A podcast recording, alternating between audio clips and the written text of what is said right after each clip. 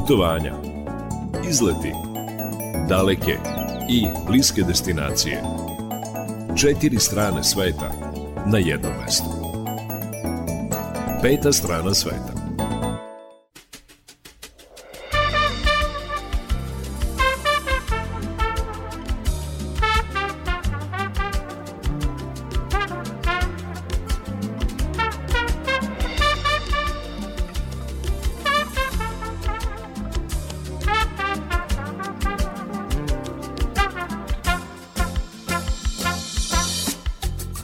Dan, poštovani slušalci, dobrodošli u još jedno izdanje turističkog magazina Peta strana sveta. U prošloj emisiji govorili smo o programima za doček nove godine, međunarodne nove godine, a evo ova emisija posvećena je hodočašću, s obzirom na to da je danas badnji dan, uskoro će badnje veče, sutra proslavljamo Božić, pa povodom tih praznika govorit ćemo ekskluzivno o jednoj crkvi, o jednom hramu koji se nalazi u Nici. Nica je najveći grad na Azornoj obali i čitavim tim francuskim primorjem tim delom francuskog primorja Srbi imaju samo jednu srpsku pravoslavnu crkvu, hram Vaznesenja Presvete Bogorodice. Nalazi se u Luci, Port Limpija u Nici i e, moram priznati da sam bila veoma iznenađena kad sam videla koliko je taj hram sakriven od očiju javnosti. Vi zapravo kada se uzlikate ispred tog hrama, redko ko će steći utisak da se vi nalazite ispred neke bogomolje. Ali o svemu tome opširnije, kažem ekskluzivno u ovom izdanju turističkog magazina Peta strana sveta, a takođe ćemo govoriti, a takođe ćemo govoriti i o još jednom bitnom manastiru, o manastiru Ostrog, Znate koliko je on važan, koliko se veruje u čuda koje se zbivaju tamo, o svemu tome detaljnije u ovoj emisiji. Saznaćete i kakav program pripremaju povodom badnje večeri Sremski Karlovci, Takođe će biti reči o običajima na današnji dan, takođe i na Božić, ali u Zlatiborskom kraju, kada sam snimala kako izgleda najveći muzej na otvorenom u našoj zemlji, muzej Staro selo Sirogojno, onda sam dobila na poklon i autentične snimke i muziku iz Zlatiborskog kraja iz 19. veka, kraj 19. početak 20. veka. I na tim snimcima pronašla sam verovanja meštana toga kraja na Badnji dan i Božić. Tako da ćemo o svemu tome govoriti. Naravno, na početku emisije čućete izveštaj iz Automoto Saveza Srbije, potom meteorološki izveštaj. Nakon toga govorit ćemo o voucherima za subvencionisani godišnji odmor, a bit će reči i o broju turista koji su posetili Vojvodinu protekle godine. Na samom kraju emisije čućete i vesti iz sveta turizma. Muzički urednik biće Srđan Nikolić, ja sam Irina Samopjan i na samom početku volim da kažem neka ovo naše putovanje počne.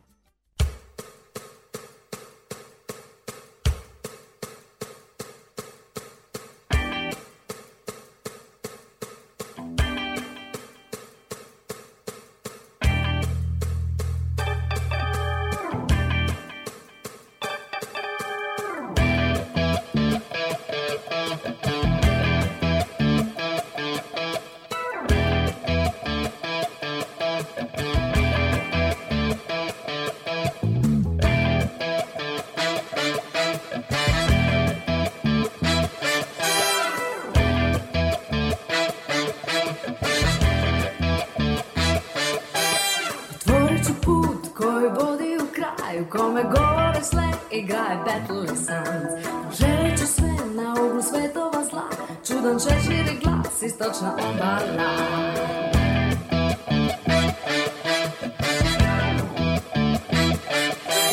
Otvorit ću put koji me vodi do dna Tužna je četvrti kraj, rat negde umire sam. Poželet ću jug, izbori bacer za kraj Skinu češir i kao redom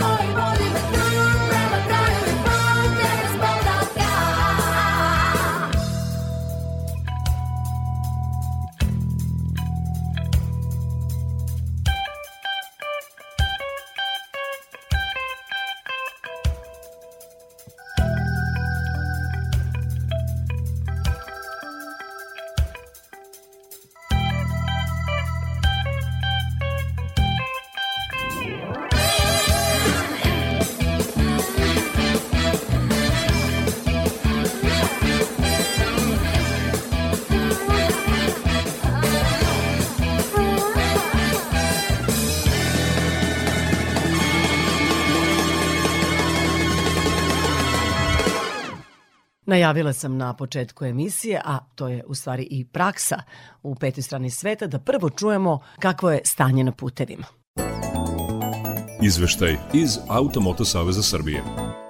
Pozdrav iz operativnog centra Automoto Saveza Srbije. Prema informacijama javnog preduzeća Putevi Srbije zbog radova na više deonica na obilaznici oko Beograda, vozače očekuje usporena vožnja. Na mostu preko Save do 15. januara od 8 do 16 časova produžavaju se radovi na delu autoputa deonica Surčin, petlja Ostružnica. U toku izvođenja radova saobraćaj iz pravca Novog Sada ka Beogradu preusmeren je na novoizgrađeni deo mosta suprotan smera pravac Beograd ka Novom Sadu. U zoni petlje Pakovraće zbog radova radova na izgradnji autoputa je 763 Miloš Veliki, izmenjen je režim saobraćaja na deonici Čačak-Požega. U zoni radova ograničena je brzina kretanja vozila. A izmene u saobraćaju zbog radova ima i na više deonica magistralnog puta između Šapca i Rume, a slično je između Pojata i Kruševca gde je u toku izgradnja Moravskog koridora. Saobraćaj može biti usporen i zbog radova na magistralnom putu između Raške i Novog pazara, pri čemu je brzina ograničena, a saobraćaj se odvija neizmeničnim propuštanjem uz pomoć semafora. Rekonstrukcija Rekonstruiše se i most Paljevo na magistralnom putu između Novog pazara i mesta Nadumce prošao je još jedan talas pojačanog saobraćaja na graničnim prijelazima. Međutim, na njima i danas treba očekivati promenljivo vreme zadržavanja. Najopterećeniji su Horgoš i Batrovci, na kojima se međuzona u smeru ka ovim zemljama brzo popuni, a tada zadržavanja postaju duža u odnosu na ono vreme koje se provodi na našim terminalima. Prema poslednjim informacijama Uprave granične policije, trenutno zadržavanja se kreću intervalima od 30 do 60 minuta, a pojačan saobraćaj očekujemo povremeno i na prelazu pre Preševo sa Makedonijom, Gostunu sa Crnom Gorom, ali i na prelazima koji vode ka Republici Srpskoj. I na kraju podsjećamo da na našem sajtu amss.org.rs u najnovijem izdanju digitalnog magazina Automoto Revija, namenjenog svim vozačima, možete besplatno pročitati veliki broj zanimljivih, interesantnih i korisnih tekstova. Iz Automoto Saveza Srbije javlja se Nevena Damjanović, a vozačima želimo srećan put. Vremenska prognoza za putnike. Da čujemo kakvo će vreme biti ovih dana. Sa nama je naš meteorolog koji radi u Republičkom hidrometeorološkom zavodu Miodrag Stojanović. Miodraže, dobar dan. Dobar dan, Irina. Sutra je Božić i eto, važno nam je da, da bude lep dan. Pa hoće, hoće, bit će lep dan, samo što će malo pokvariti magla u jutarnjim satima tokom dana sunčano, uz slab jugoistočni vetar, temperatura od 1 do 14 stepeni i onda, onda opet uveče i u toku noći opet magla i niska oblačna, znači vozači da obrate pažnju, neće baš biti neki lepi uslovi za put. Kada reč e, o, o nedelji, ponedeljku, nešto sam načula da se sprema sneg e, u planinama, a da će biti malo hladnije od ponedeljka i u nizi, pa a kakva su vaša saznanja, vaše prognoze? Pa, prognoza je tako da će od utorka to, o, taj pad temperature se desi. Imamo o, u jutarnjim satima uvek ta, ta magla do, do utorka. O, u ponedeljak uveče imamo promenu vremena koja donosi prvo donosi padavine, najde da ćemo imati ne, ne, neku, neku količinu kiše u ponedeljak i utorak ovde kod nas u, u niskim krajevima, a na planinama će biti snega. To je već, već malo problematično prognozirati koliko će biti visina tog snega koji će pasti, ali će biti snega. Konačno a, će pasti sneg, to je informacija. Baš, baš tako, jer ovo, ovo sve do sada je bilo užasno. Evo, mi smo u, u Novom Sadu tek noćas imali neku kišu, tako, tako Videla zvanu, sam, da. Tri kapi kiše pa palo. Znači 6. 6. januara je prva neka količina kiše pala, jezda je minimalna, nikakva, ali eto, zabeleženo je. Neka, da neka padavina je uopšte pala. Samo sam htela da se nadovežem kada je reč o tom manjku snega, uopšte padavina, ali zima je pa očekujemo sneg. Čak na Durmitoru čula sam da turisti otkazuju, e, nema prirodnog snega. I, i pa, to kvari ovaj, planove izdavaocima smeštaja i to da zimskoj da turističkoj da sezoni, da. da.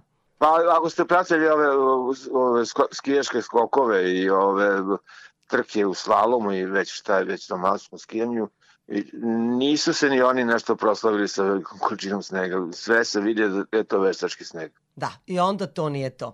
Večeras e, idemo u Bačku Palanku. To je jedan grad, opština, ali posebno u tom gradu neguje se običaj paljenja vatre ispred kuće. I onda do, svaku, mislim ne svaku sad ko poželi ili udruže se komšije, zapale veliku vatru i iznesu se stolovi, stolice, kogod prolazi, e, prolaznika pitate, izvolite, dođite, pridružite nam se. Čeka se rođenje Hristovo, čeka se ponoć, onda se ide jel, na jutrenje. Tako da me zanima kako će vreme biti večeras, hoće li biti tih padavina pa da pokvari ne. žar, znači neće. Ne, ne, ne, nema ništa od padavina ima samo ovaj, pad, od padavine je samo pad temperature. samo ona malo pada. Yes, Tako da će u veter, večernjim časovima koliko biti? U, u recimo 19 časova će biti negde oko 7 stepeni, onda ka ponoći pada dole, tako da ćemo tu imati negde oko 4 stepena. Hvala vam Miodraže na svim informacijama. E, želimo vam da dočekate Božić u krugu porodice, radosni, srećni, što ste svi na okupu.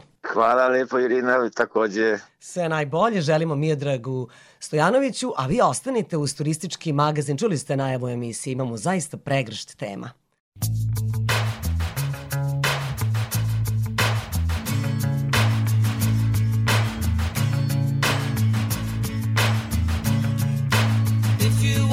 Seen already. Think how this could be. People with their holiday brochures flock off to the sea. From the Norfolk Broads they gather in hordes as liquid land beats at the sand. Summer's day in mid-January, no more cold. I feel the sun when I most want to.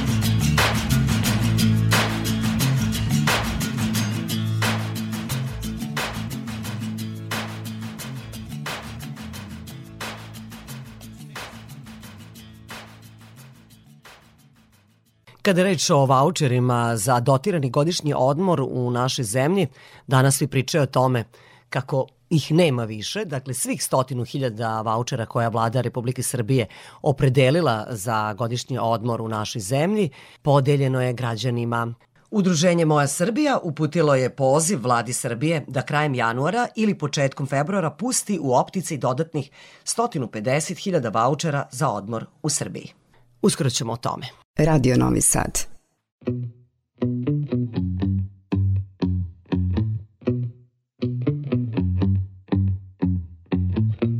Tell me, baby, tell me, tell me something now. Tell me if you'll be there even if I break my vows. And if I screw up, are you gonna tell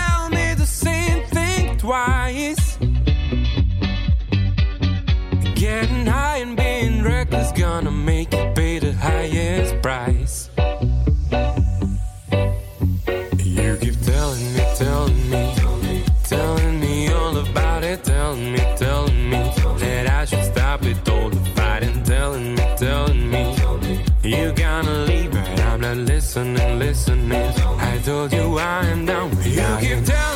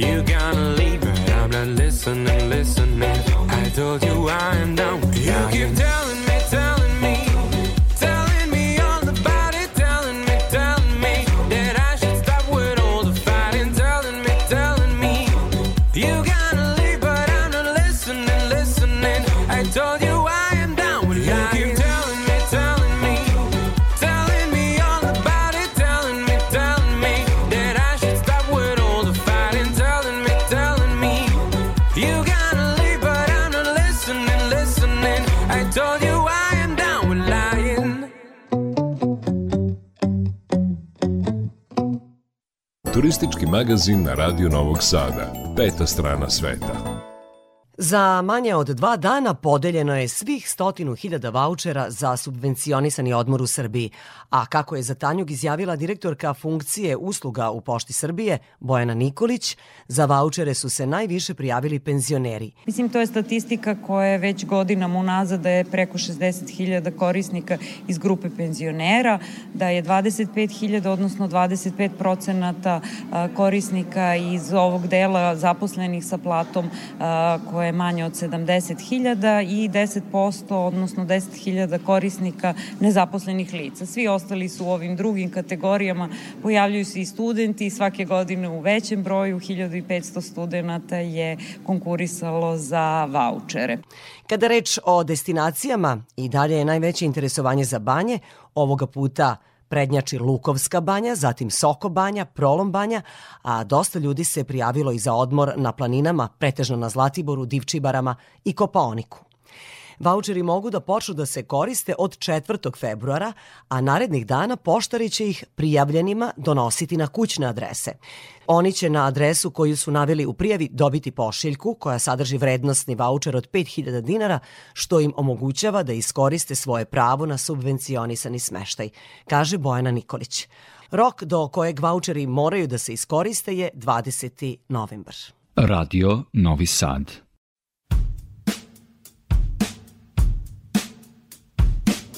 Na nekim starim slikama iz našeg fotoalbuma Mi još tako mladi ležimo u travi.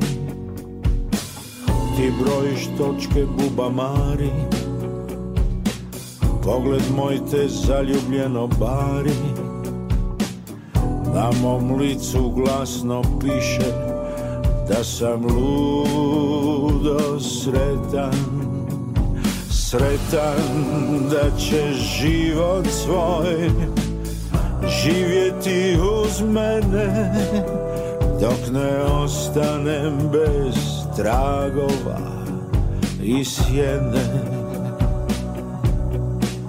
A kad me jednom više ne bude Kad te usred noći probude Neke vruće misli nestašne To ću biti ja.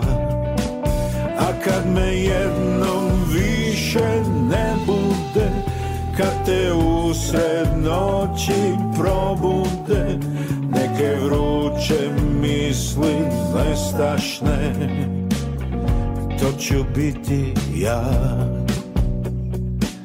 Na zadnjoj slici ti i ja u zagrljaju svojih godina plešemo svoj valcer i zračimo mir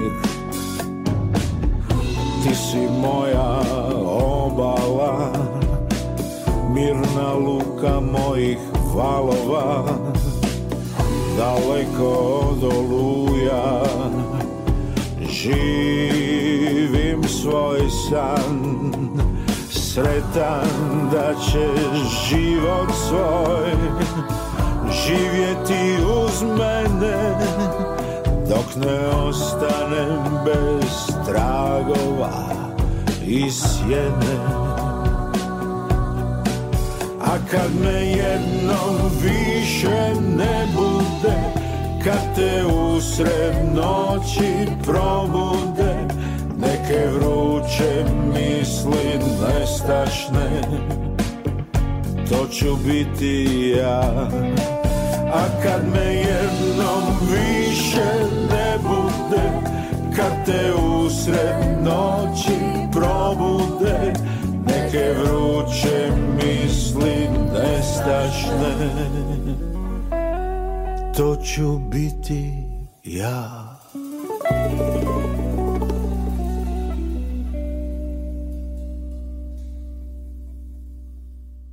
Pred kraj prošle godine često smo sumirali utiske i opšti zaključak je bio da će 2022. godina biti rekordna kada reč o broju turista koji su posetili našu zemlju. Ispostavilo se da je tako i bilo. Dakle, 2022. godina nadmašila je 2019. godinu za koju smo dugo, dugo govorili da je rekordna. Uskoro o tome.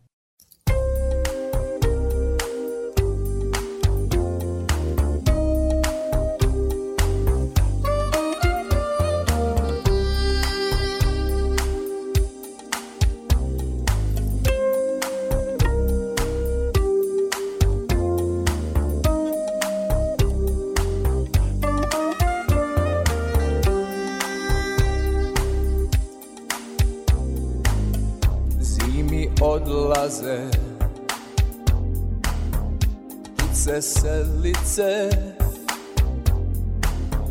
Al se uvijek vraćaju. A ja neću nikad na ta mjesta Što na tebe sjećaju. Na hladnoj postelji Bože, koferi Pahulje u prozoru. To su zadnje slike koje pamtim I koje se ne brišu. Miriše evo opet zima Snjegovi i kod nas već se peku mladi kesteni.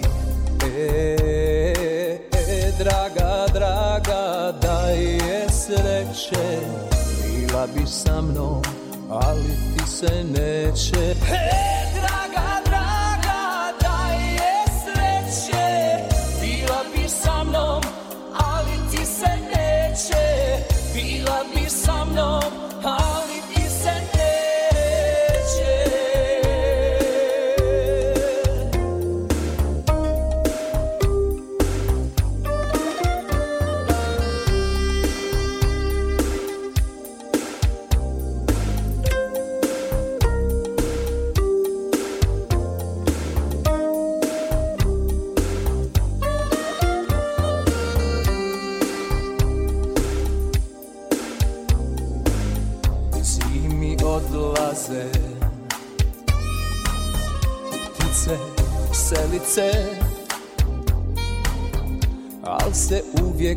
pričaju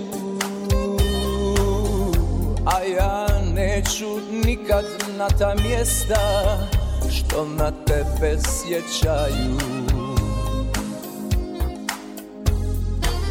Miriše evo opet zima Snjegovi i kod nas već se peku mladi.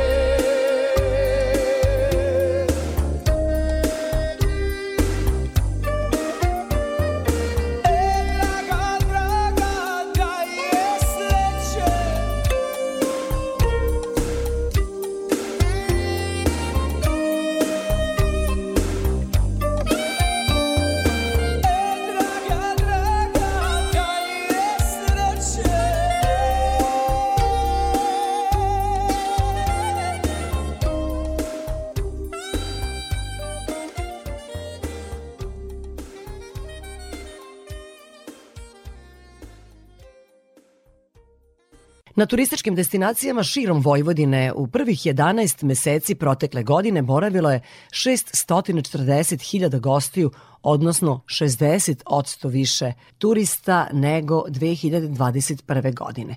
Istovremeno udvostručen je broj strani gostiju na 312.000.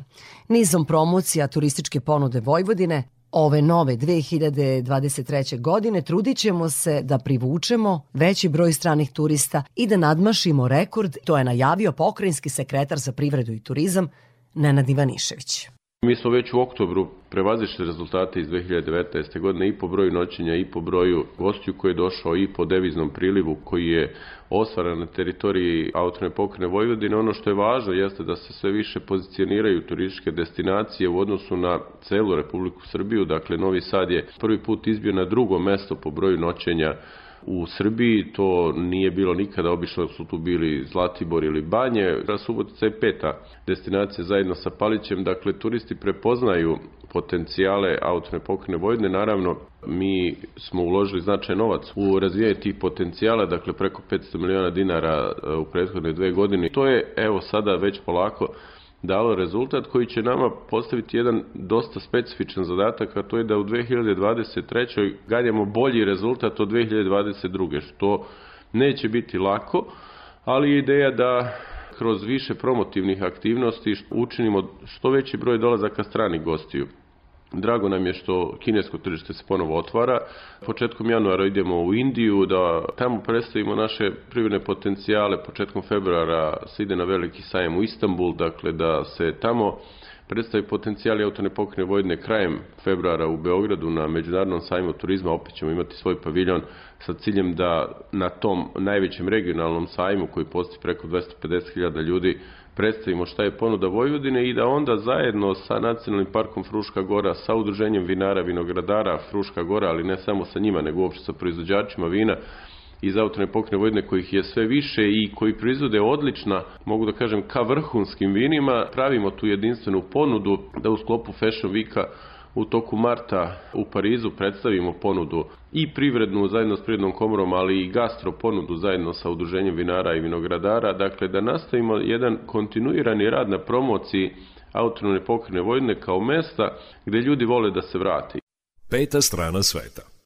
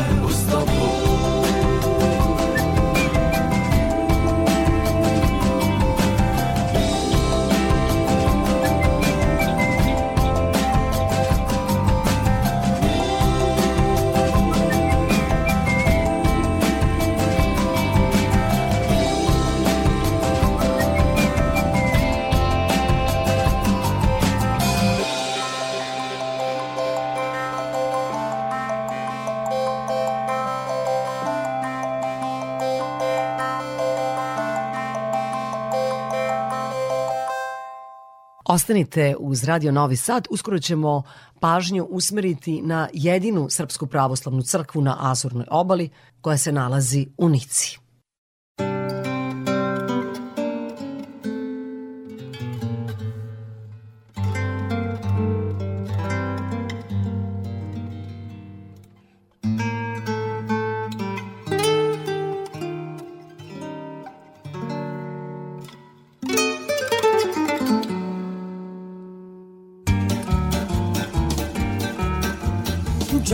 Pas un ange. Ne crois pas que ça me dérange. Jour et nuit, je pense à toi, toi. Tu te souviens de moi au moment où ça t'arrange. Et quand revient le matin, tu t'endors sur mon chagrin, Johnny. Tu n'es pas un ange. Johnny, Johnny, si tu étais plus galant. Johnny, Johnny, je t'aimerais tout autant. Johnny, tu n'es pas un ange. Ne crois pas que ça me dérange. Quand tu me réveilles la nuit, c'est pour dire que tu t'ennuies, que tu voudrais une vie de rechange. Et quand revient le matin, tu t'endors sur mon chagrin, Johnny. Tu n'es pas un ange.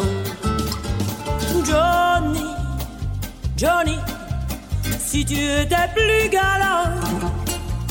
Johnny, Johnny, je t'aimerais tout autant. Johnny, tu n'es pas un ange. Après tout, qu'est-ce que ça change? L'homme saura toujours trouver toutes les femmes du monde entier pour lui chanter ses louanges. Dès qu'il en sera lassé, elles seront vite oubliées. Vraiment, vous n'êtes pas des anges. Johnny, Johnny, depuis que l'amour est né. Johnny, Johnny, il faut tout vous pardonner.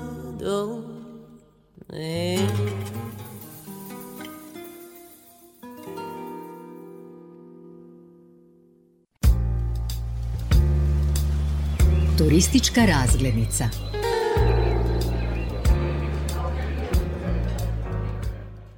Minule jeseni boravila sam u Nici i prisustvovala bogosluženju u jedinoj srpskoj pravoslavnoj crkvi na Azornoj obali. Ona se nalazi u luci Port Olimpija.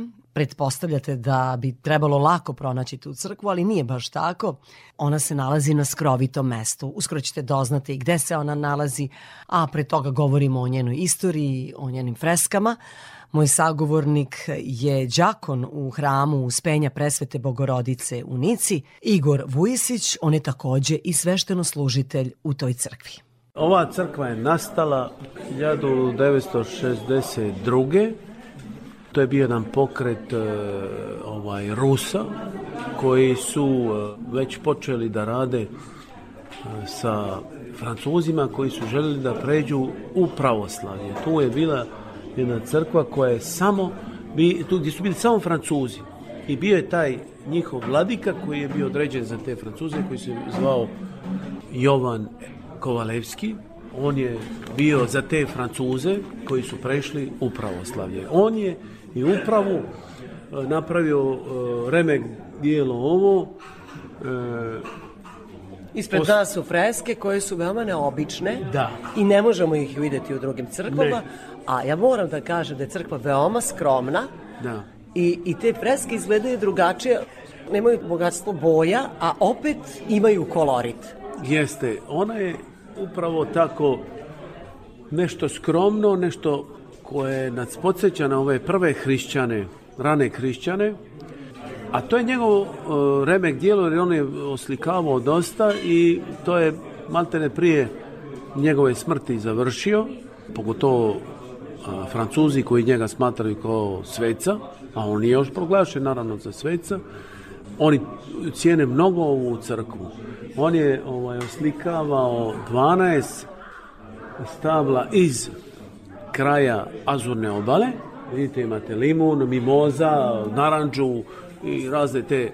Rastinje koje ovde uspeva. E, tako. Stavio je 12 apostola Isusovih i 12 hrišćana, vladike iz ovoga kraja i monaha i isto zaštitnicu e, ovoga grada, svetu mučenicu reparatu, ona je bila jedna mlada djevojka i on je upravo stavio nju u oltar e, sa e, svetim Petrom.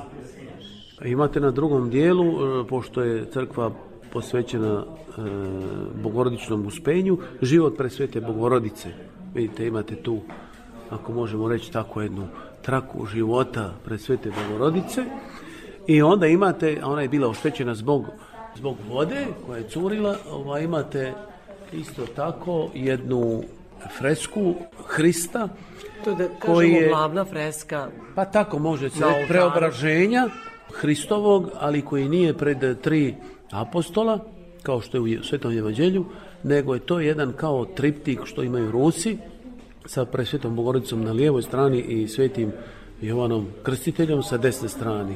Ali on je tu kao na goru Tavora preobražen i stvarno je, i daje tu jednu dimenziju kao što ste vidjeli, ona u obliku jedne kocke koja je produžena i ta freska stoji kao poziv na preobraženje svih hrišćana. Ovako, baš posebno. Isto tako, pošto je to bio zapadni stil koji se negovao, primijetili ste da nema jedan oltar kao što ima jedna pregrada između, da kažemo, svešteno dejstva i narodnog dejstva, da kažemo tako, molitve, nego je tu više poziv na jednu zajedničku e, molitvu kao što je upravo i Evharistija, znači djelovanje svih, jer sveštenik ne može ništa da radi bez naroda, a narod isto ne može da služi bez sveštenika.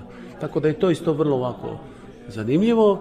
Takođe je zanimljivo da mi u ovoj crkvi ili hramu nemamo ikonostas, dakle vi ulazite u oltar iza jedne tanke ograde koja se otvara dvokrilno i postoje samo dve ikone, dve značajne ikone koje predstavljaju ikonostas. Tako je. O kojim ikonama je reč?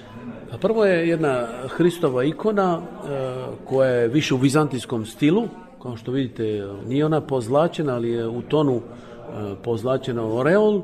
Vidi se da je to Hristos Pantokrator, svedržitelj na grčkom, koji blagosilja narod i drži evanđelje u lijevoj ruci ili evanđelje kao e, eto života, kao način života. A sa lijeve strane imate jednu posebnu ikonu koja je, nije po vizantijskom stilu i to se vidi, koja je više jedan zapadni stil sa krunom, pred Sveta Bogorodice koja ima jednu krunu i jedan žezal kao ona koja e, sa Hristom svojim sinom e, i svojim Bogom vodi narod Božji. I ona, ako vidite, piše na francuskom Notre Dame de la Gue, pošto ova crkva e, je nosila u početku ime Notre Dame de la Gue, pošto pred Sveta Bogorodica se ovaj, pojavila tu na jedno 40-50 km u planinama i ako ja se ne varam, e, ovaj, taj vladika Jovan Kovalevski, on je nešto to, da kažemo, podvukao da se ovaj ta crkva tako zove po nekom zapadnom,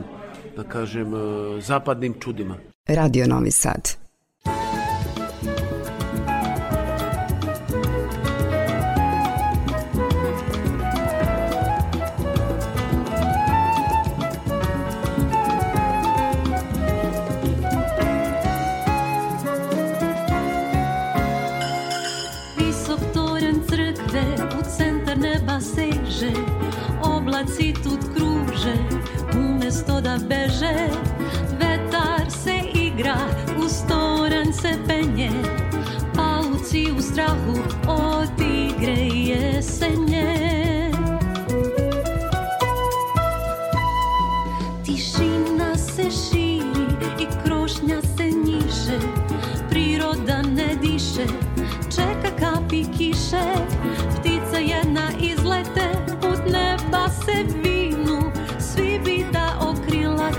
Da dosegnu visinu.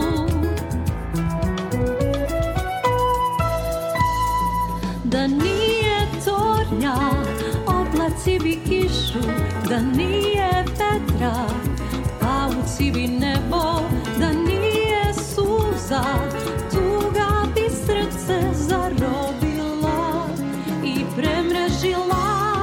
Da nije tornja, oblaci bi kišu Da nije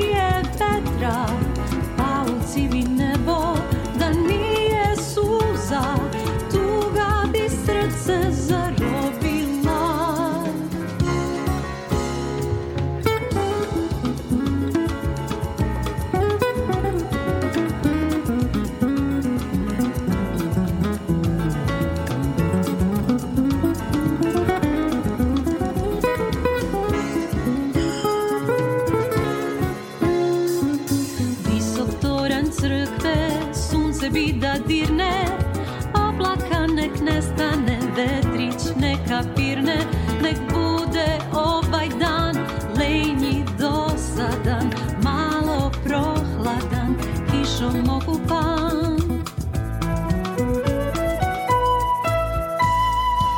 Krošnja nek se umiri, jato nek se vrati Mačak neka žmiri, sreća sve nek vrati Oblaci će nestati, a kiša će prestati. Novi dan će svanuti, sunce sve obasjati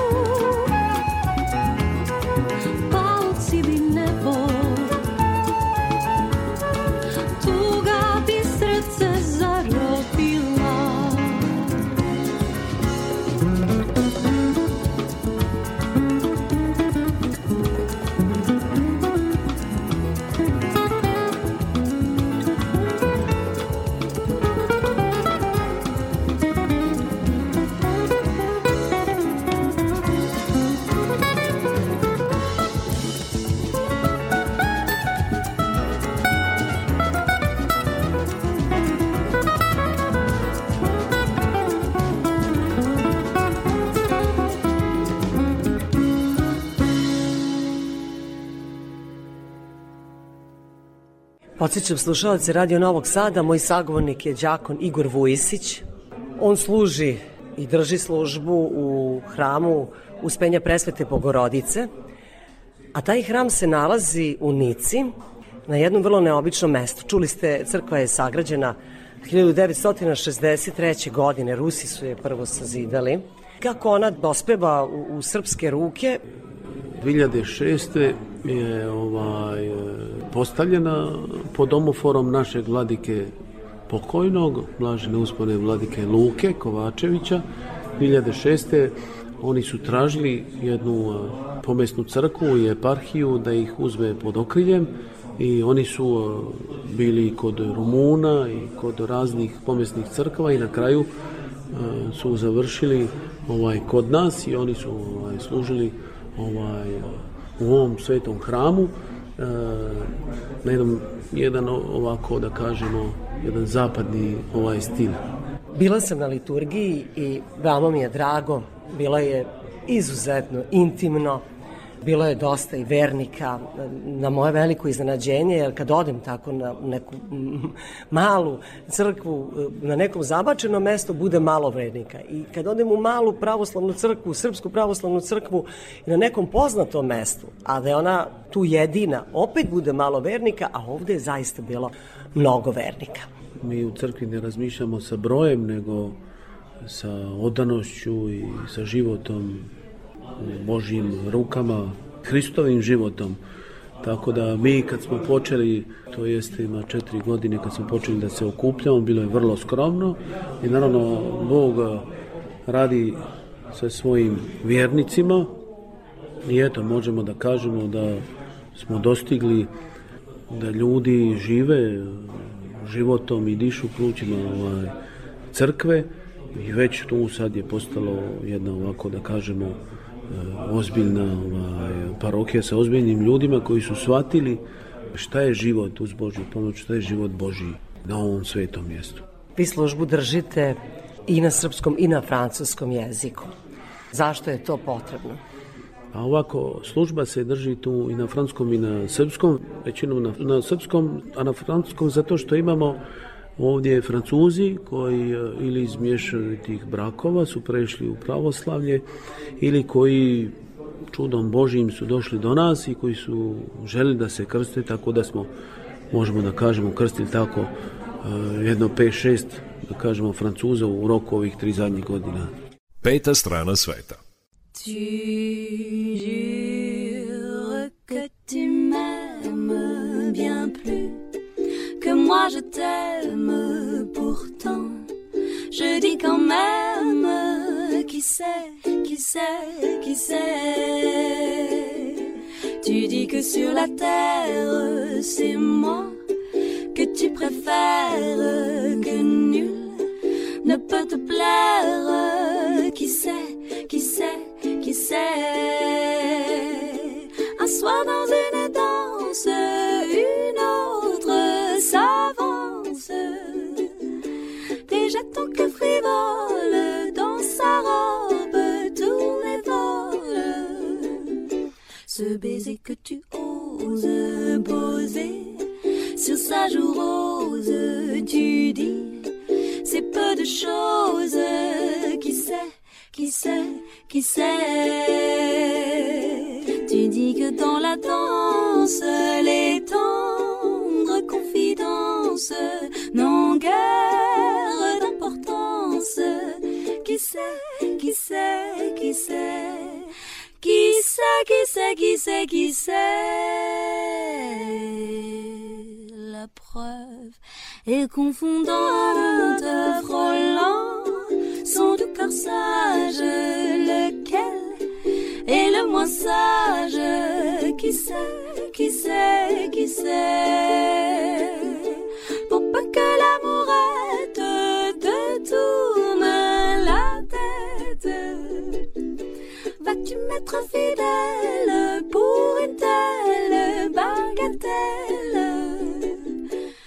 Amen.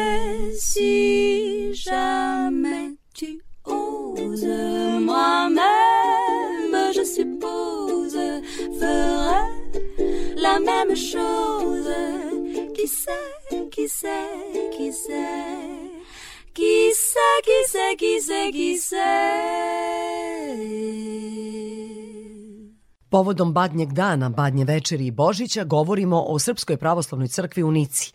Moj sagovornik je sveštaron služitelj u tom hramu Igor Vujsić. Turistička razglednica.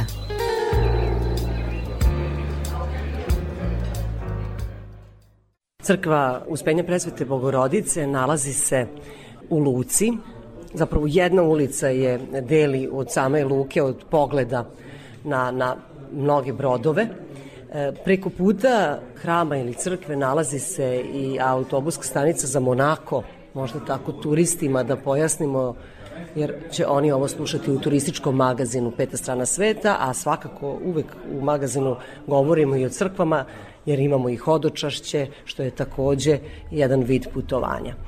Zašto pojašnjavam gde se nalazi ovaj hram? Zato što ga nije lako pronaći, jer on nema s polja izgled hrama, crkve. Dakle, nemamo ni kupolu, e, nemamo ništa što bi nas podsjećalo na crkvu, postoje samo jedna vrata, postoji jedna freska pored, natpis na vratima i to je sve. I zato možda ljudi nisu znali za postojanje ove crkve, a opet kad uđemo kroz vrata, onda imamo jednu veliku prostoriju sa visokim svodom i to je sve. To je cela crkva, zidovi imaju freske do pola, a druga polovina nije ni okrečena. Kažem, veoma skromno i meni se to baš sviđa, zato je to intimno, nekako prisno sa svakim vernikom koji ulazi kroz vaša vrata. Da li vernici ipak vas pronalaze, ti koji dolaze u Nicu, koji ne žive ovde?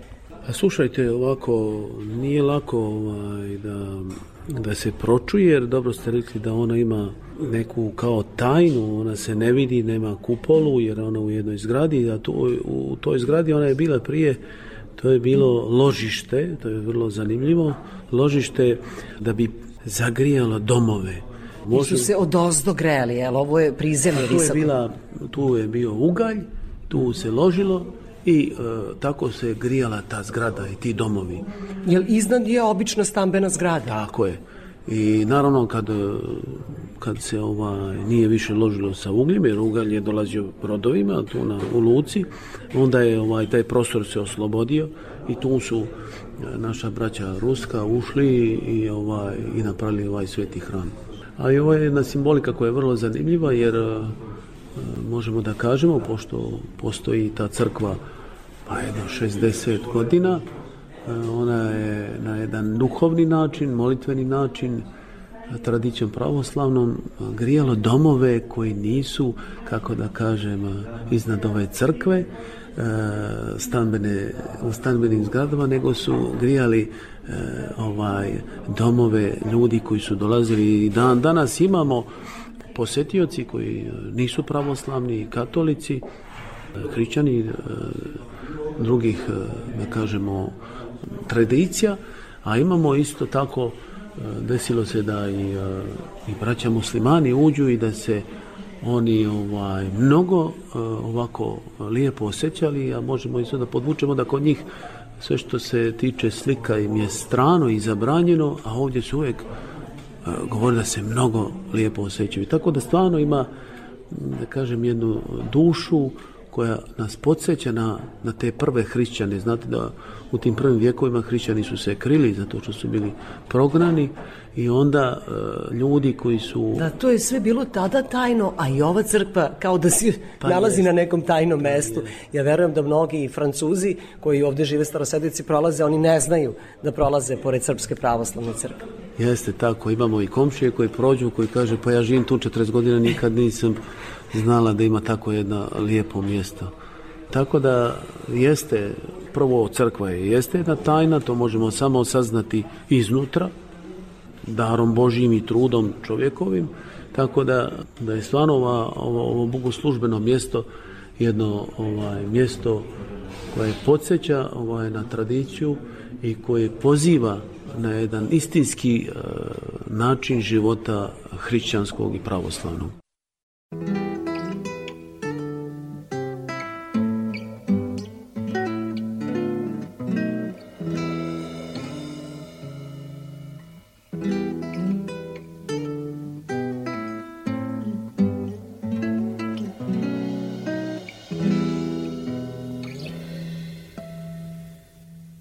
Neka tajna veza za sve ljude zakon krut.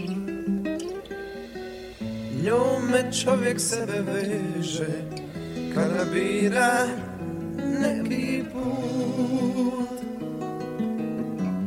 Sidro koje mlađu čuva da ne bude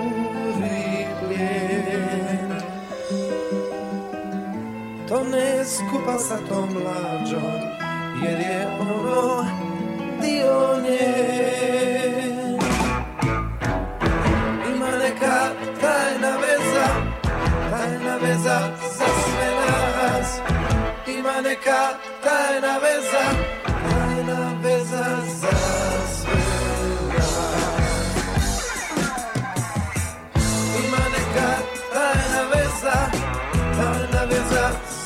za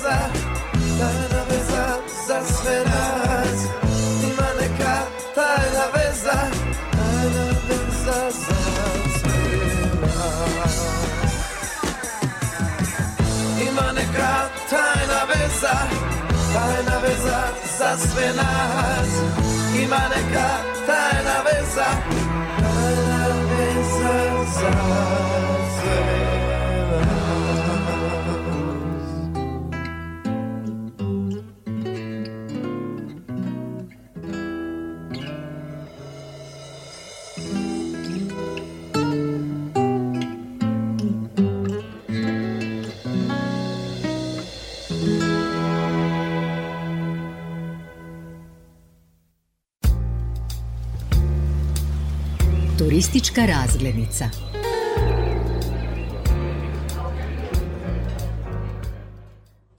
Ima jedna osoba, javna ličnost, veoma popularna ne samo u Srbiji, već u čitavom svetu, koja je došla u vašu crkvu i od tada je hram Uspenja presvete Bogorodice u Nici postao poznatiji i nekako se više čulo za njega i u kojoj ulici da je blizu Luke. Novak Đoković je u pitanju, jesam li u pravu? Pa jeste, u pravu ste. Kada je Novak bio kod vas? Novak je bio prvi put e, u decembru 2018. Ja ga nikad nisam bio vidio do tada izblizu i on je stvarno došao je ovako na kraju službe i, i nekako nas je očarao nekako. Smo svi odjednom bili radosni jer naravno mi moramo da priznamo da na ovakvom svjetskom nivou posle toliko uvreda na naš narod, on je nekako to počeo da, da čisti on na svoj način, pobjedivši mnoge turnire i pokazavši jedno lice toplo, razumno i naravno hrišćansko e, cijelom svijetu. Tako da je ovaj, bilo veoma, veoma čudesno, tu je donio naravno i poklone za djecu i bilo je ovako jedinstveno, baš jedinstveno. Moramo da objasnimo i zašto je Novak Đoković baš došao ovde u hram Uspenja presvete Bogorodice u Nici. E, On ima stan u Monaku i nema gde da se pomoli Bogu i u koju bogomolju pravoslavnu, srpsku pravoslavnu bogomolju da uđe, nego baš ovde. koliko ima pravoslavnih, srpskih pravoslavnih crkava ovde na Azurnoj obali? Pa ovako, na Azurnoj obali o, ima, imamo samo tu crkvu. Odnosno ovu crkvu, ovu gde sada sedimo. Da, da, e, koja je srpska pravoslavna crkva, a naravno ima drugih bogomolja Imamo ruskih, rusku, da, e, pravoslavnu. rumunskih i tako dalje. Evo, za kraj razgovora samo da pomenem eh, kakva je atmosfera posle liturgije, pošto sam prisustvovala čitavoj liturgiji, posle liturgije ste vi počastili sve prisutne, bilo je dece koja su se družila, eh, Srbi koji su se našli na liturgiji, posle toga su razmenili koju reč, ostali su duže, E, trudite se da budete prisni sa svima njima, da bi se oni okupljali i da bi nalazili mir i utočište ovde u hramu Uspenja Presvete Bogorodice. Tako je, da. Pa dobro, znate, i prvi hrišćani su se okupljali jednom sedmično, nedeljom i posle toga su imali takozvane agape, što znači ovaj, ljubav. E, I ta ljubav se ovdje izražava na jedan topao način, to jeste da se malo i zagrlimo, da podijelimo jednu čašicu rakije, pa i nek uvijek ponese nešto ovako hrane, pa podijelimo. I eto, tako da uvijek posle službe ostanemo tako jedno sad vremena, jer e, lako je reći da smo braća ako se ne gledamo i ako ne budemo zajedno. Znači, mi se trudimo, e, naravno, ja se isto trudim da svima postavi jedan kontakt e, topli i razumijevanja i uvek otvoren, da se osjećaju u kuću Božju kao e, što se osjećaju u rodnoj grudi, u svom selu, u svojoj crkvi ili u glavnom gradu, predstavnici Srbije u Beogradu. Ovu emisiju i razgovor e, sa vama, a podsjećam, razgovaram sa đakonom Igorom Vujisićem, koji služi u hramu Uspenja Presvete Bogorodice u Nici. Slušalci Radio Novog Sada slušaju uoči Božića, dakle danas je badnji dan, badnje veče, pa koja bi bila vaša poruka za Božić, Božićne praznike? Poruka bi bila radosti da se uvijek radujemo za to što sin Božji, predvečni sin koji je postojao prije svega, zaželio je da se sjedini sa ljudskim rodom i da ga izvuče iz grijehova, iz kanđi pakla i da ga oživi, da mu daje život, a ne život ovako prolazni koji završi u grobu, nego život vječni, život sa njim, život njegovom silom. Tako da, eto, svim vašim slušajcima želim jedan srećan i bogoblagosloven praznik rođenja Hristovog i da njegova sila utopli sve vaše domove i sva vaša srca. Peta strana sveta.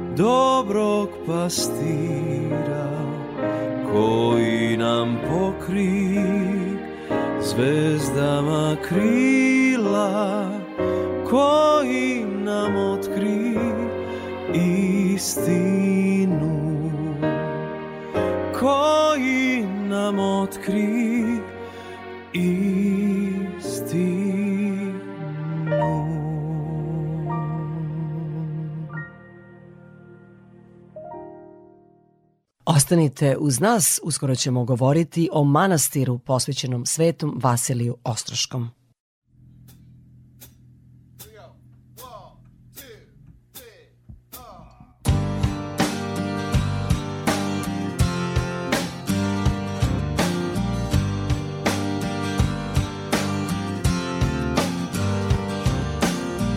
I live,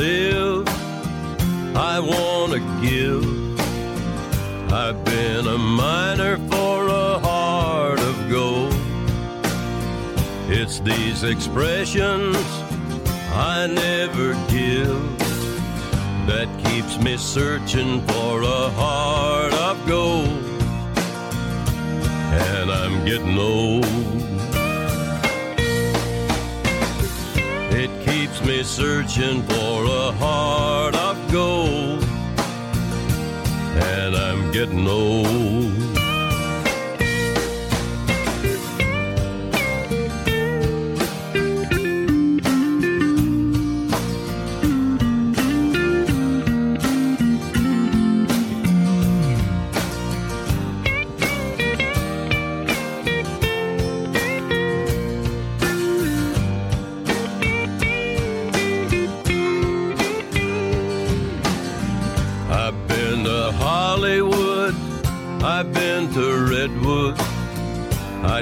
The ocean for a heart of gold.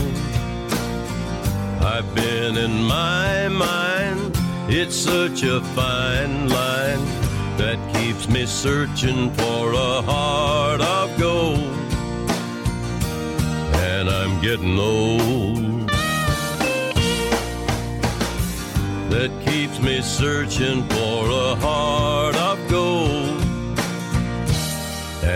getting old.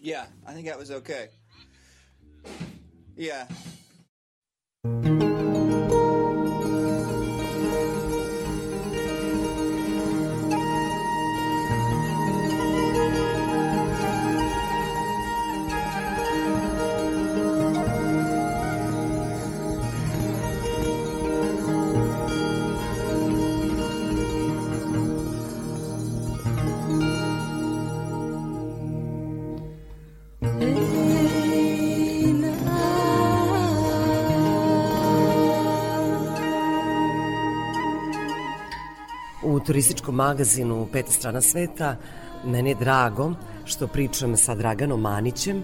On je hodočasnik, gotovo dve decenije on obilazi pravoslavne e, svetinje. Dragane, dobrodošli u emisiju. E, hvala, želim da pozdravim sve vaše slušalce i da poželim ovaj, pre svega srećne nastupajuće praznike. Vi ste meni rekli da je hodočašće jedna posebna vrsta putovanja. Te kakva je to vrsta putovanja?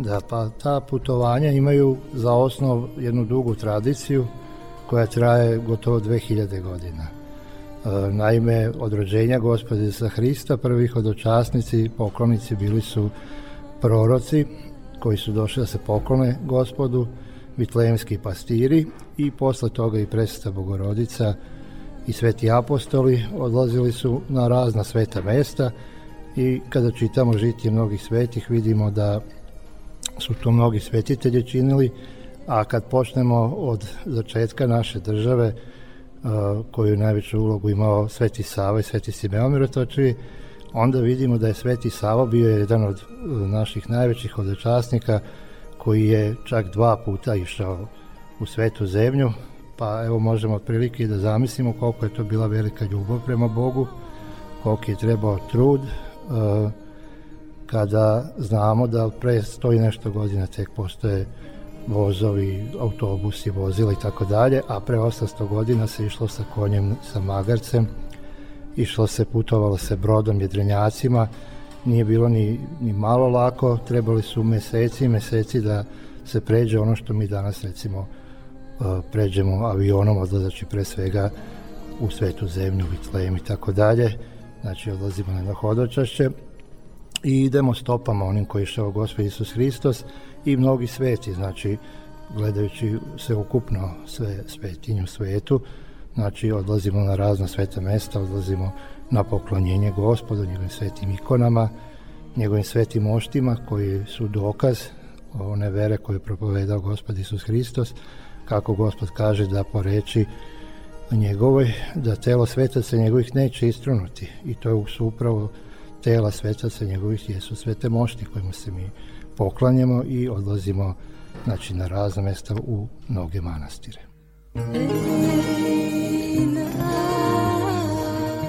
Odlazimo u mnoge manastire, a jedan od manastira koji je pa možemo slobodno reći, najposećeniji u regionu je manastir Ostrog. I ne prestaju ljudi da se vraćaju u taj manastir, odlazi se više puta, Vi ste često tamo bili. To je najposećeniji manastir u Crnoj Gori i znamo da tu leže mošti Svetog Vasilija Ostroškog. Kada sam bila u tom manastiru, onda sam pročitala da je on osmi u svetu po čudotvornosti. Da, pa to znači da se velika Božija blagodat i milost izvila, a upravo zadobijena njegovim trudom, njegovim velikim podvigom, jer kada odemo u manastir Ostro, kad vidimo pećinu koju on podvizavao da se molio, ovaj, mi današnji ljudi sa raslabljeni ovako teško da bi mogli da ostanemo dva dana da sedimo tamo u toj pećini, a on se godinama molio ovaj, Bogu za spasenje celog naroda i komu je dolazi i tako dalje, tako da taj njegov život se nije završio upokojenjem od pre oko četiri veka, nego se stalno dopunjuje. Znači imamo nekoliko knjiga koji u izdanju ovaj manastira Ostrog izdato vezano za čuda Svetog Vasilija i imamo dokaze znači da ljudi iz celog sveta dolaze znači tokom cele godine ne znam sa tačan broj ali sigurno je u milionima ljudi koji dolaze da se poklone svetitelju i gde se svakodnevno čudesa dešava i sami smo bili svedoci mnogi čuda možda interesantno evo da ja ispričam jedno ovako ovaj, sa hodočašća gde Bog i Sveti Vasilije ovaj, svedoče o svojoj prisutnosti, o milosti svojoj, tako da, da odlazeći u manastir Ostrog sam kupio jednu ikonu ovaj, Svetog Vasilija koja je godinama išla u autobusu i bila je ona nam u stvari vodič Sveti Vasilije, nam je bio vodič na tom putu i tako 2011. godine negde u maju mesecu sam se zapitao, rekao Bože koliko se osvetila ova ikona, koliko je puta bila na ostrogu i ovaj, koliko je naroda tako putovalo, otišlo zajedno sa mnom na hodočašće i onda je otprilike za dve nedelje, to je bilo na praznik Svete Anastasije, majke Svetog Save, ta ikona zamirotočila. Tako da, to znači da je zamirisala? Da, pa jeste, orošena je bila skroz i od nje su se ovaj, počela dečavati čuda, tako je i onaj dan danas čudotvorna, dok, u vreme dok je bila orošena, dok je mirotočila, ovaj, nije išla sa nama na put, ali ovaj, sada evo ponovo je nosimo, tako da je rado svima i ovaj, blagodat velika data kroz to, eto, Bog je pokazao svoju milost i pokazao da je prisutan i da voli narod svoj i eto, vidimo i kroz ovo stradanje, ove nedelje, ovaj, kako Gospod prolazi najtežim putem do vaskrsenja. Vidimo da ovaj, Gospod to nam na neki način i pokazuje njegovo vaskrsenje kroz milost svoju i kroz uh, čudo to koje se desilo upravo preko ove ikone gde narod hodi za njime i svetim Vasilijem.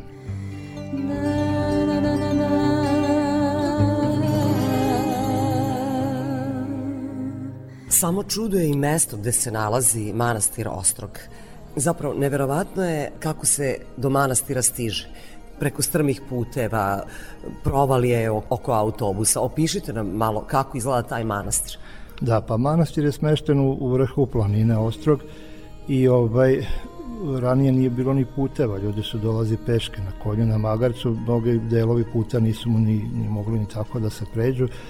Vremenom se to promenilo, hvala Bogu i narodu eto, koji dolazi tamo, pa uz neke priloge koje ostaju, uredili su se putevi, tako da danas vi možete da dođete na razne načine, možete vozom, možete automobilom, možete nekim autobusom koji je organizovani prevoz do manastira, a ovaj nešto što je vezano za boravak u samom manastiru interesantno je mnogima i to je jedan naš ovaj mali podvig, jedan naš trud, jedna žrtva Bogu jeste kako se noći u manastiru Ostrog. Znači, tamo većina ljudi spava u krugu samog manastira, gde je prisutan ovaj, Sveti Vasilije i spava se vani i na otvorenom. To je uglavnom najčešće ta praksa. Jel tu i zimi rade ljudi? Da, pa zimi nema toliko mnogo posetilaca, pa ima mogućnosti da da se spava ovaj, i u, U nekoliko konaku, pošto ima konaka. Da, u nekoliko soba u konacima, ali ljudi opet iz te velike ljubavi prema svetitelju odlučuju se čak i zimi da pojedini da spavaju vani. Postoji, eto, možda interesantno za vaše ovaj, slušalce da kažemo, postoji i dva hotela koje su nešto niže nekoliko kilometara, pa ako želi sebi da priušti neki luksuzni smeštaj, on ode pa prespava u hotelu. Ali ipak je ovaj e, mnogo lepše da čovek da neki trud Bogu, neki svoj prinos, naročito kad molimo nešto od Boga, jer ima tako jedna poučna priča Svetog Justina Čelijskog, još dok je za vreme zemnog života bio prisutan ovde 70. godina, u našem vremenu, možda da kažemo, ovaj, on je išavši sa vladetom Jerotićem, vi ga uglavnom poznajete, ovaj, susrednu baku koja je šla u manastir Čelije i ovaj, hteo da je poveze autom, međutim baka odbila, kaže, ovaj, rekla je, pa ja nemam šta da, da dam. A oni su mislili da želi da plati baka, međutim, ovaj, pa kaže, ne treba ništa da platite. A kaže, ne, nego ja nemam ništa Bogu drugo da dam, nego ovaj moj trud neka bude prinos. I to je za Svetog Justina bila pouka, tako da je to sigurno pouka i za nas, kad idemo tako u manastir, u svetinji, treba svi da malo se više potrudimo da tu svoju ljubav prema Bogu i bližnjem na neki način kroz dela svoja pokažemo.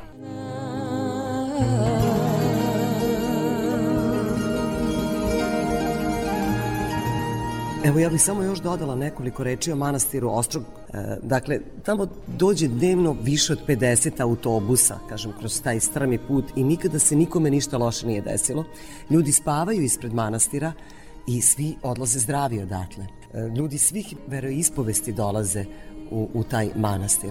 Dakle, toliko su čuda velika. Da, pa to je još uh, jedan dokaz Božje ljubave prema nama. Znači imamo slučajeve, bilo je konkretno recimo da je sa mnom putovala žena koja je ovaj, pripada mađarskom narodu, krštena kao katolkinja, ali je pravoslavni svetitelj pomogao, tako da imala tri neka problema koje je trebalo da se reše. Uglavnom, nakon nekoliko dana, ove, kada se vratila iz manastira Ostrog, ona je svedočila o tome. Pa imali smo jedan slučaj isto tako da je putovala sa nama žena koja je trebala ovaj, da ide na operaciju, ali nekako sam osjećao pa sam je zvao da ide sa nama u Ostrog, ovaj, svega nekoliko dana pred tu operaciju, ona prihvatila, nisam ni znao da će da ide na operaciju, međutim kad se vratila, kad je otišla u bolnicu, trebala da se operiše, ona je ovaj, obavila još te preglede jedan put pred operaciju i doktori su ustanovili znači da da više nema bolesti. Ona je ozdravila. Majka je ovaj, kada je videla, ona sledeću ovaj, sledeći put kad je bila mogućnost da se ode za ostrog, ona je odlučila, otišla i krstila se na ostrogu kod Svetog Vasilija. Tako da moglo bi mnogo da se priča o tim čudima, ali evo ako znamo samo ovih nekoliko, dovoljno i nama da, da se odlučimo da odemo, da se pomolimo svetitelju nekako da budemo bliže Bogu nego što smo danas. Moj sagovornik je Dragan Manić, koji je hodočasnik već 20 godina. Peta strana sveta.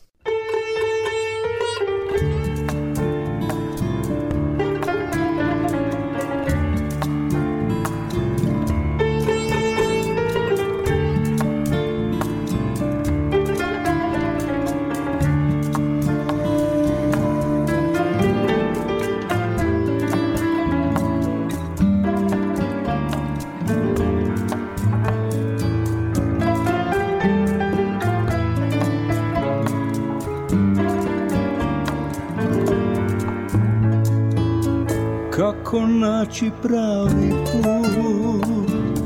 Pravi put do srca tvoj Prošao sam cijeli svijet Al tajnu ne otkrih ja. Ja sam bio sve i ptica i riba i drvo i zemlja i nebo nad njom. Ja sam bio svuda, sve sam probao, al tajnu ne otkrih ja Nema gdje da se ode, nema šta da se bude. I onda zašto sam tu, Bože zašto sam tu? Nema gdje da se ode Nema šta da se bude Onda zašto sam tu? Bože zašto sam tu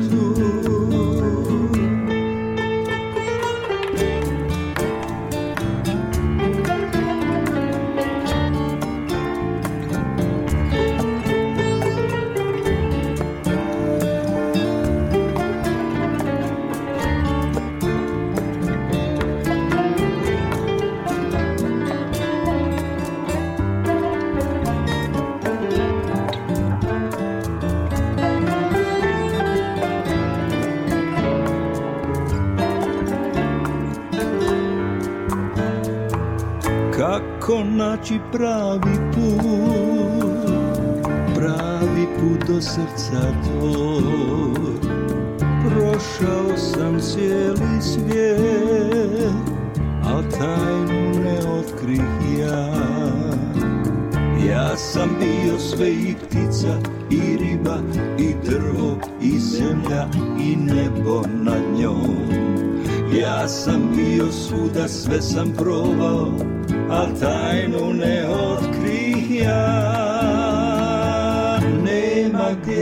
se ode, nema šta da se bude.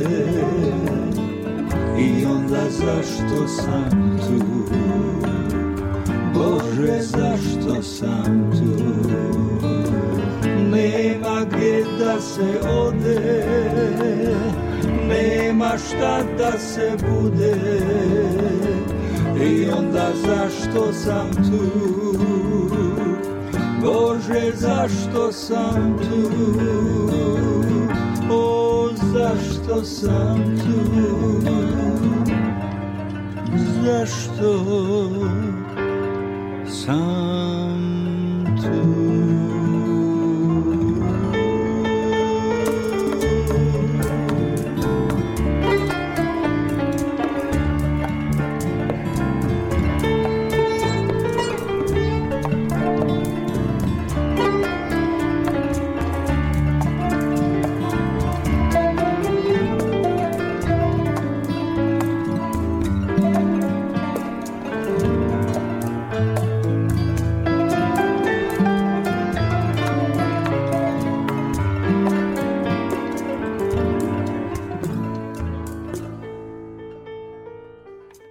Od juče svi posetioci Zlatibora koji požele da se voze Gold gondolom, najdužom panoramskom gondolom na svetu, imaju ponudi novi sadržaj. Branč u vazduhu je nesvakidašnji obrok koji će vas očarati svojim ukusnim zalogajima tradicionalnih zlatiborskih proizvoda, kao što su pršuta, slanina, čvarci, sir, kajmak i domaća pita. Rezervacije za branč u vazduhu mogu se obaviti online preko preduzeća Gold Gondola ili na prodajnom mestu Gold Gondole. Obrok se služi u posebno obeleženim kabinama u terminima od 11 do 13 časova na svakih 15 minuta. Branč je namenjen za grupe od najmanje dve osobe do maksimalno šest osoba po kabini. U nastavku emisije, s obzirom na to da je danas badnji dan, sutra proslavljamo Božić, govorit ćemo o običajima za te praznike u Zlatiborskom kraju. Radio Novi Sad.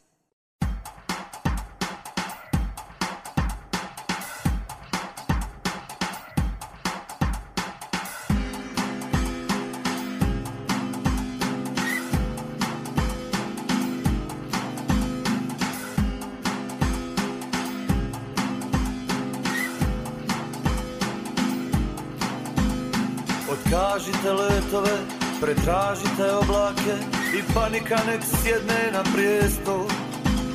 Zaustavite putnike i namjerne i slučajne, ali ostavite jedno mjesto, mjesto za dvoje, što ljube se u mraku.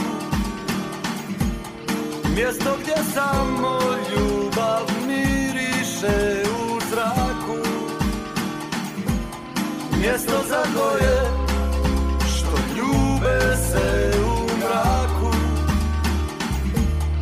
Mjesto gdje samo ljubav miriše.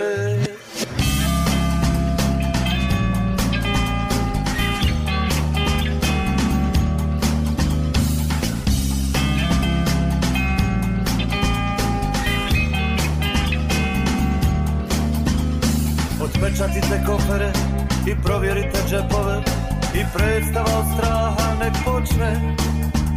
Ja nikuda ne putujem i sve čemu se predajem Su njene usne vrele i sočne Pošaljite i svoje pse, nek sve još jednom pretraže I radite to strogo i često. Zatvorite sve prolaze i uske, a i široke Ali ostavite jedno mjesto. Mjesto za dvoje Što ljube se u mraku Mjesto gdje samo ljubav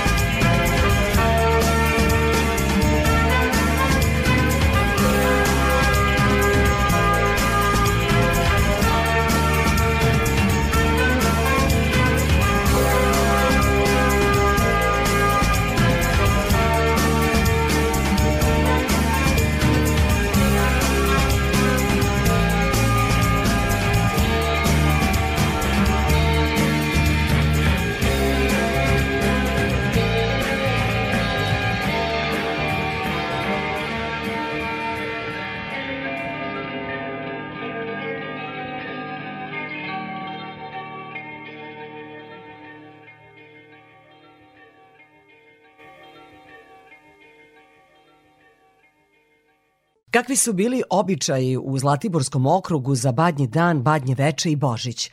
Slušamo kazivanje meštanina jednog sela u tom kraju. Novinar Radio Užica Petar Jovanović zabeležio je te autentične snimke i muziku Zlatiborskog kraja u 19. i početkom 20. veka. Snimci su sačuvani zahvaljujući entuzijazmu radnika u najvećem muzeju na otvorenom u našoj zemlji, Taj muzej se zove Staro selo Siragojno. Još jednom podsjećam, slušamo kazivanje jednog od meštana sela u Zlatiborskom kraju. Dakle, kako su se tamo obeležavali praznici Badnji dan, Badnje veče i Božić. Kod nas je običaj, ja sam to zapamtio još od mojih starih dedova i pradedova, Moja je baba živjela 105 godina. Moj otac zapamti od njegove te babe, pa ja od moga oca i tako sam to nasledio, pa ja danas danju radim na badnji dan i oči Božića i na Božić.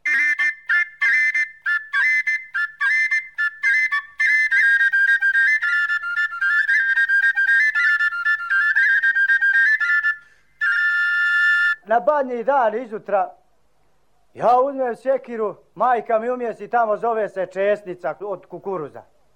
I ja uzmem u rukavicu malo zobi i uzmem sjekiricu i odem tamo nađem, u- šumicu nađem jedan hrastić i tamo dođem, nazovem tamo tom, mi ga nazivamo badnjak. Kažem dobro jutro i čestiti Božić. I uzmem u rukavicu nosimo ne zobi i bacimo oko onoga rastića, prekrstim se Bože pomozi gospode i uzmem sjekiricu, ali treba od dva udarca da izvadim ljusku koja nam tamo mi za to varovanje donesemo kući. Ja udarim jedan put dole, drugi put gore, ljuska iskoči, onu ljusku turim u torbu i usečem veseljak, badnjak, tako veseljak kako hoćete. Okrešem, ali nepremetno rekla mi, mama kaže, sine, nek ostane jedna šumčica, kaže, nepremetno, da je ne vidiš, kaže, na tome veseljaku, jer to, kaže, treba da se udare govedo oči Božića, kaže, beži, beži, kaže, šuškavico, evo šumke. Kaže, da ne bi udarila šuškavica u goveda da pocrkaju.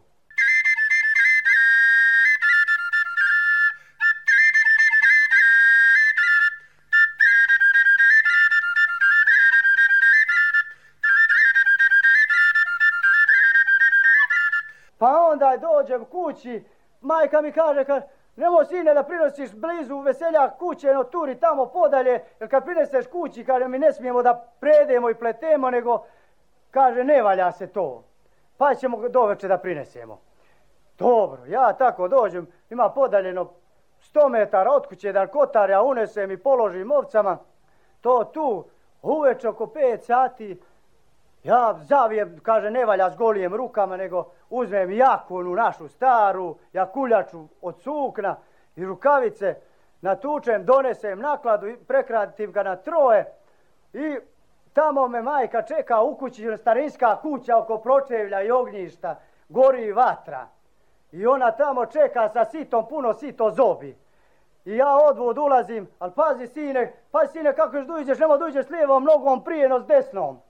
Dobro, ulazim tamo i vičem, dobro veče i čestit vi Božić. Ona kaže, Bog ti pomogao sine, sretan nam Božić, sretan mi ti dugoveči, sretan mi Božić i sretan nam veseljak. Ja onaj prvi od debljaka veseljak slažem do istoka odvu turam, pa posle idem za onaj drugi, opet tako. Dobro veče i čestit vi Božić, ona kaže, Bog ti pomogao sine, sretan ni Božić, sretni ni veseljaci. Još za onaj treći odem, opet kažem, dobro veče i čestit vi Božić, Bog ti pomogao sine, sretni ni veseljaci, sretan mi ti bio i dugovečit da mi živiš sto godina.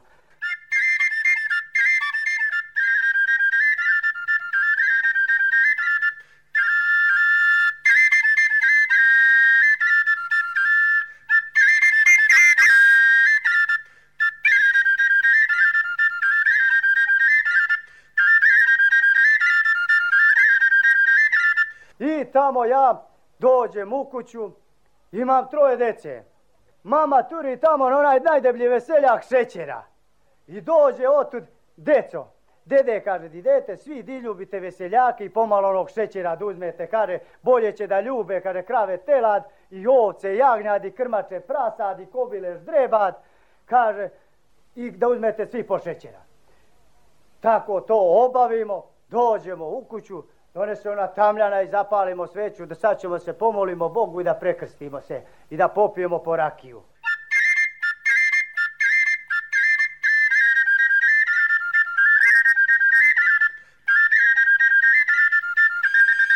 Spremila se večera, ali oči Božića mi postimo. Skuvali voća, napravili kompot, kupili za zaitin ili tako, krompire i sjeli, usito stavljen kolač, jedan i zob, gori i sveća. I otud ide mama, nosi jedno bremence slame. I viče otud, ide po kući okovnjista i viče kvo, kvo, kvo, kvo, kvo, kvo, kvo, kvo. A djeca viču piju, piju, piju, piju, piju, piju, piju, piju i čupaju onu slamu, čupaju, čupaju. I baba dođe, donese u sobu i prostre onu slamu. Mi donesemo pokrovac i turimo pokrovac po noj slami i donesemo bisage. A što majka bisage? Sine, kaže, bolje se blizne ovce kad jedemo na bisage vođe. I tu večeramo, e kaže, sine, kaže, sad svi da poliježemo po patočeno zadrugim, kaže da ne poliježe žito u ljeti kad klasa. I kaže da zapevamo, kaže, ko peva večeras, pevaće za cijelu godinu dana.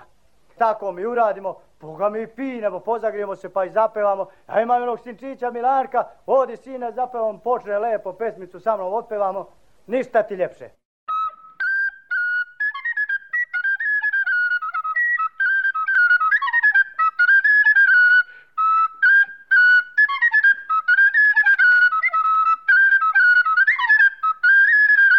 Slušali ste sećanje žitelja jednog sela u Zlatiborskom kraju o običajima koji su bili praktikovani za Badnje dan, Badnje veče i Božić. Autentične snimke i muziku tog kraja zabeležio je novinar Radio Užica Petar Jovanović.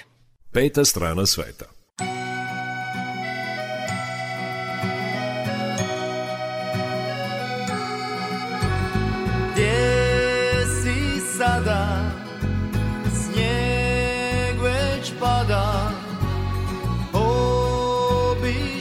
Sam pola grada.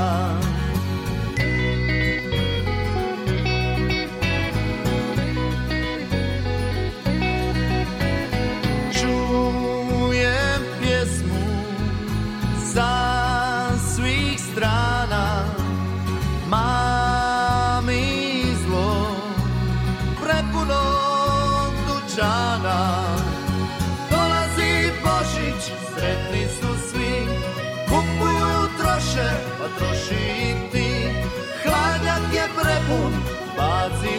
u smeće Nek dobri ljudi napune vreće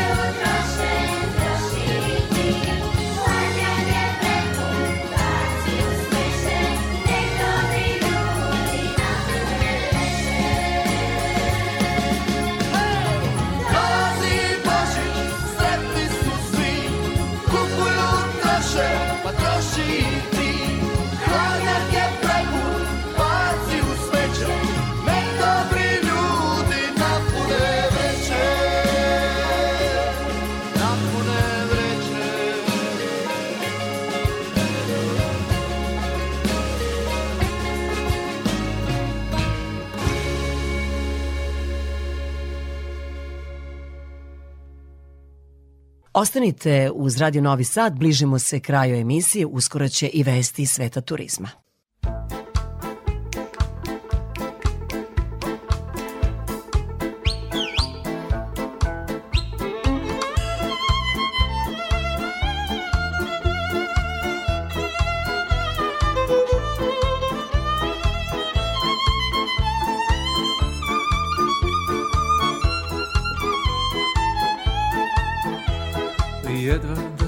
Sećam dvanaest zvončića na njenoj bluzici.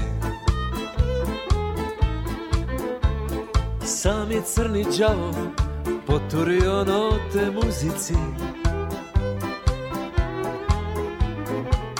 Vrtela prstić oko dugmeta Starija je sestra bdila kao ukleta. Obećali kući da će doći i pre ponoći Jedna da se sećam prvih peče slova njenog imena. Mesec nešto fleka ko stara trumpeta limena. Vitlao Božić, jata zvezdana Mrznuo je Dunav nizvodno od bezdana. A u našem kraju lepih seka iznad proseka I baš lako noga Za drugoga zaručena, a za mene naručena kod Boga. Moja lepotuška Nedopijen gutljaj vina, dah karmina Na krajičku opuška. Ko reči par, spomenar jedva da se sećam Da je ribnjak bio srmom okovan. Tad i nikad više Miriso je sneg na jorgovan. O mati oj njena skrila papuče Od mraza ringlov pred kućom napuče U ocove čizme pa do čarde preko verande Moja lakonoga. Za drugoga zaručena a za mene naručena kod Boga. Moja lepotuška Nedopijen gutljaj vina, dah karmina Na krajičku opuška I teški lom u srcu mom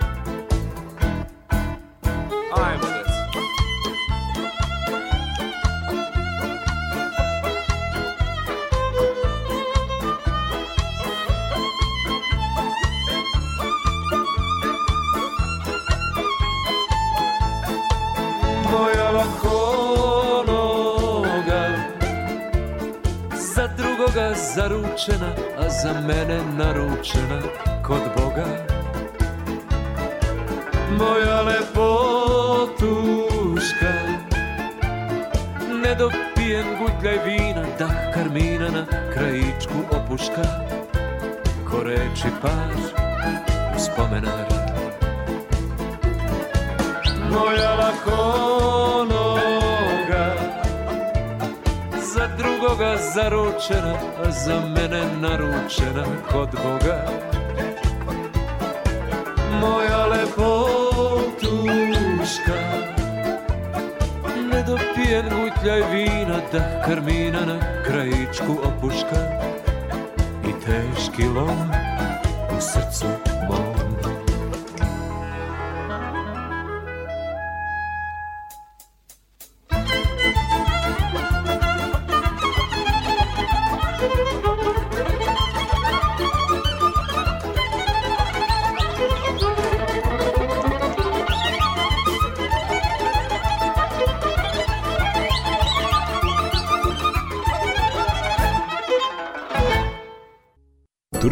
magazin na Radio Novog Sada. Peta strana sveta. Evo i vesti iz sveta turizma.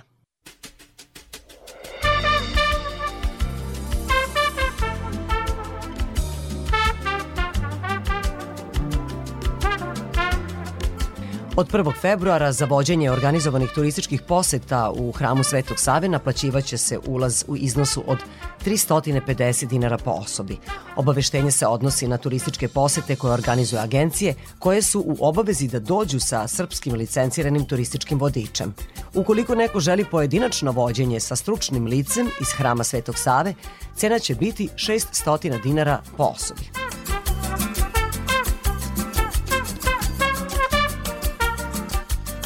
Svetska turistička organizacija napravila je listu najboljih turističkih sela na svetu za novu 2023. godinu.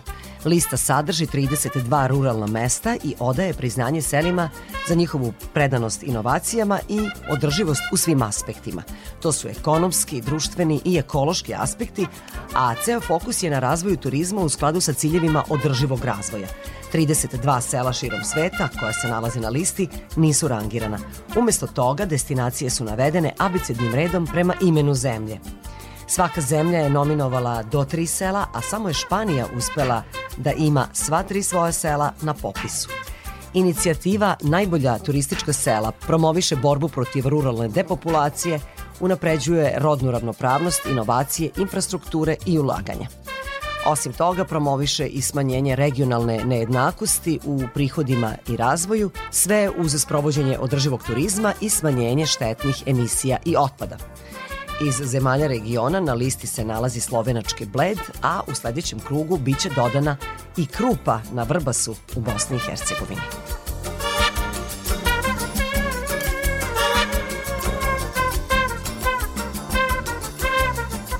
Bilo je to sve poštovani slušalci što smo vam pripremili u ovom izdanju turističkog magazina Peta strana sveta. U narednoj emisiji govorit ćemo o obeležavanju nove godine po julijanskom kalendaru. Čućete šta će biti upriličeno na otvorenom za taj praznik. Takođe ćemo govoriti i gde će biti plivano za bogojavljanski krst. Podsjećam vas, u 18 časova su naše najnovije vesti, a potom je naša najstarija muzička emisija Randevu sa muzikom. Ovoga petka sa vama su bili muzički urednik Srđan Nikolić, ja sam Irina Samopjan i želim vam srećan put.